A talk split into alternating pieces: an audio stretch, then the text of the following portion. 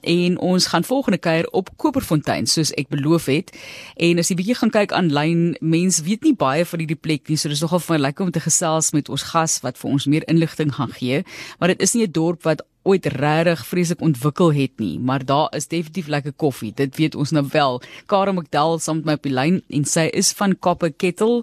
Watter koffie drink jy en hoe drink jy jou koffie, Kara? sal sê my gunsteling is maar 'n cappuccino, 'n lekker sterk koffie maar met baie melk.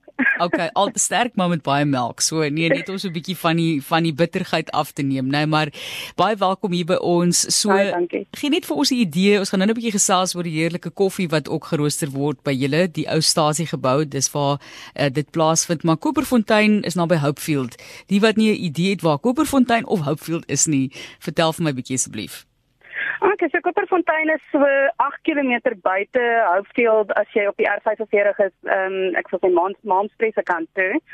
Ehm um, dit is regtig almal as ek vir mense verduidelik, ehm um, jy weet jy ry 8 km uit Hopefield uit dan sê jy oor by die silo's, dan sê ek ja, by die silo's. Uh, so dis basies 'n uh, ehm um, dit dit was 'n depot vir ehm um, vir die vir die graan en vir koring wat nou in die in die area ehm um, geoes was en dit was maar in die 60s was dit een van die besigste plekke vir die boere in die gemeenskap. Ek is terloops hierdie naweek in Hopefield. So ek gaan daar kyk of ek daar kan omry nie, maar is dit nou waar wat die persoon sê aanlyn dit het nie regtig ontwikkel verder nie? Ja, dit is so amper vasgevang in tyd ehm um, daar was soos ek sê was redelik hy was eintlik besigger as Hopefield in die 60s en 70s. En omdat die, die R45 het actually so teen die teen die dorpie verbygeloop of in die dorp verbygeloop. En toe het hulle die pad geskuif en na dit het alles maar bietjie doodgeloop. Hopefield het besigger geword en meer mense het Hopefield maar gebruik as die as die middelpunt van die area. Ehm um, so van die 70s af het alles maar bietjie agteruit gegaan of net stil gestaan. Ja.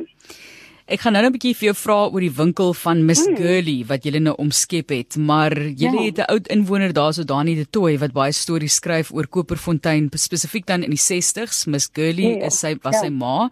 So kan jy vir ons 'n paar van daai stories weergee en belangrike oomblikke in Koperfontein se geskiedenis? Ehm um, ja, ek het al van sy stories gelees. Dit was eintlik toe ons ehm um, laas jaar sin toe getrek het, toe het ek ehm um, bietjie die stories ehm um, gelees en ons het meer geleer van Koperfontein se geskiedenis. Sy Dani dis nou ek hy wat het actually ons kom kuier ehm um, so 'n paar maande terug. Hy is nou 77, so dit nou al 'n hele ruk terug wat hy 'n kind was op Koperfontein en sy ma Miss Girlie het die winkel gehad wat soos die algemene handelaar op die dorpie was. Die winkel waarin ons uh, waar Miss Girlie was, het waarin ons nou ingetrek het. En teen aan die winkel was daar 'n motorwerktuigkundige wat ons dan nou die koffieshop in verander het. Um, en Dani vertel van hoe al die boere hulle hulle koring en grane geoes het en Kopperfontein toe gebring het um, om daar gemaal te word. Reg langs Miss Girlie se winkel is nou die gastehuis. Ehm um, Miss Girlie wat hulle nou Miss Girlie genoem het, maar dit was oorspronklik oom Koos se meelhuis. En dis waarheen al die boere hulle koring gebring het om gemaal te word. En hulle vertel net hoe ehm um, almal dan daar so saamgedrom het in oestyd en dit was so besig en Miss Girlie sy ma het koue king sodas in uh, uh, uit die parafin yskas verkoop. Ehm um, en hoe hulle oor naweke sommer op die stoep musiek gespeel het en gedans het en dit was regtig so 'n um, baie besige dorpie in daai tyd. En as jy nou vir my die huidige kultuur daar kan skets, vertel vir ons hmm. van die mense van Koperfontein. Dit is maar 'n ouer generasie. Ehm um, daar is omtrent ek oh, uh, tussen 15 en 20 huisies. So dis 'n baie klein gemeenskap. Helfte van die gemeenskap is ehm uh, mense wat by die ou ehm um, die Stone Ground Mill gewerk het wat nou langs ons is, maar die mill het so 2 jaar terug al toegemaak. So nou het ons 'n gemeenskap daarso wat eintlik sonder werk sit. Ons het nou begin om so so, so twee van hulle daarso by ons in in diens te neem. Ehm um, en die mill is eintlik nou op veiling môre. vir al hulle toerusting en so aan. Ehm um, maar ja, verder is dit verskriklik stil. Daar's skaars 'n pad vir 'n kar wat daar ry. En dis maar meestal lorries wat ehm um, graan kom aflewer by die silos by die koöperasie. En ja, so dit is dis net dis so rustig. Ons het die treinspoor wat reg voor ons verbyloop. So nie, elke nou en dan is daar 'n dieseltrein wat verbykom met daai uh, die klanke so rustig. Ja. ja. Die groot ding is natuurlik wanneer iets toemaak, wanneer 'n bedryf toemaak, is daar ook baie behoeftes. Jy weet in platteland weet ons dit 'n groot uitdaging se kom by werkskepping en om bedrywe hmm. aan die gang te hou. So is daar ook uitdagings daar en ons weet toerisme kan 'n groot verskil maak. So hopelik besluit mense om 'n bietjie te stop op Koperfontein wanneer hulle in daai area is, maar vertel net vir ons van die uitdagings ook van die dorp. Ja, die grootste uitdaging is nou toe die meel toegemaak het. Ehm um, hulle ek dink ek wil sê 83% van die van die werkkrag daarso het toe nou sonder werk gesit. Daar is ook 'n ehm 'n gestoor wat ehm um, uit 'n uit 'n skuur op die dorpie gebestuur word en hulle het van die mense daar ehm um, toe nou in in ehm um, in diens geneem.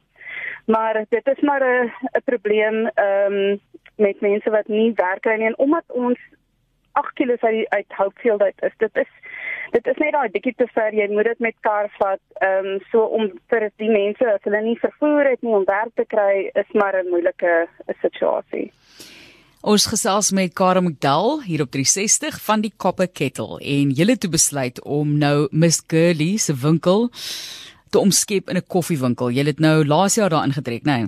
Ja, dis korrek. Ehm um, ek het ehm um, ek is al omtrent 10 jaar in die in die troubedryf en toe met COVID-19 laas jaar het ek my werk verloor en vriende van my het hierdie ou gebou, hierdie Miss Girlie se winkel seker 3, 4 jaar terug al terug uh, gekoop. En dit het net dit was so vervalle en dit het net gestaan en hulle het nooit tyd gehad om daar aan te spandeer nie.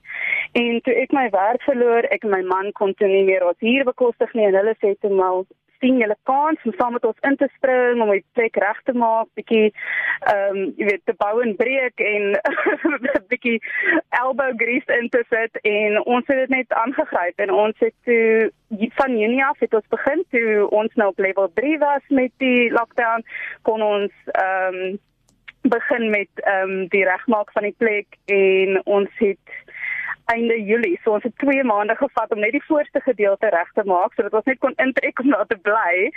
Dis nou waar Miss Girlie se winkel was en toe het ons die res van die jaar ehm um, spandeer om die ou werktuigkundige ehm um, skier reg te maak en die tuin bietjie netjies te maak om nou die die koffiewinkel oop te maak. So ons het in Desember toe nou oopgemaak.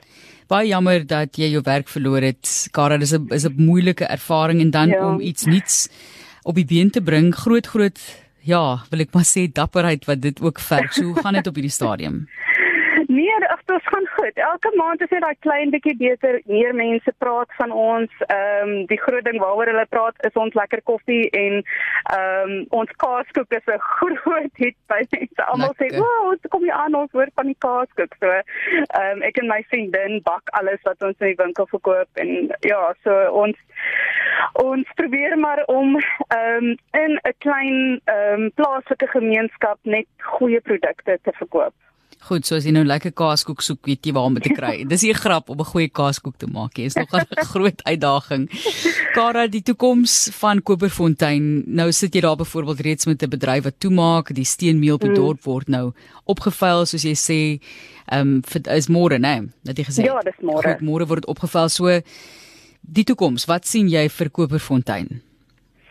Ehm um, wel, ek hoop dat ons iemand kry wat die gebou koop wat dit ook bietjie meer in toerisme belangstel dat hulle ehm um, selfs as hulle dan nou weer besluit om aan te gaan met die meel dat daar 'n winkel is en wat hulle ehm um, mense kan kom en toere doen van die die, die meel en sien hoe hulle die die meel meel.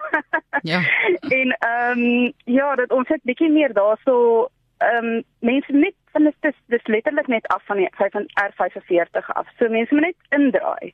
Ehm um, die vriende van my wie die wat die gebou waarin ons is ehm um, besit. Hulle het ook 'n stuk plot gekoop, 'n veld gekoop net so af van die pad daar so ook in Koperfontein wat hulle ook beplan om bietjie tuine en plek waar mense mis, miskien kan piknik hou te maak. So dis dis in die toekoms en ons hoop om Koperfontein op die toerisme kaart te sit. Fantasties. So as jy kan gaan maak daar draai en soos hulle sê 'n shot left Koperfontein toe, dis naby Hopefield. Voordat ek vir jou groet, as 'n mens dink aan die natuur ook baie mense hou daarvan om te gaan stap byvoorbeeld wanneer hulle reis of fauna en flora te geniet, wat bied daardie area? Ons het natuurlik die ehm um, die blomme van die Weskus wat die Namakwaland blomme wat van omtrent Julie af blom. Ehm um, daar is gereeld ons laas jaar ehm um, reggemaak het, het daar so baie karre daar deur Koperfontein net soos um, langs die treinspoor gery net om blomme te gaan sien. So die blomme tyd is 'n groot tyd vir ons.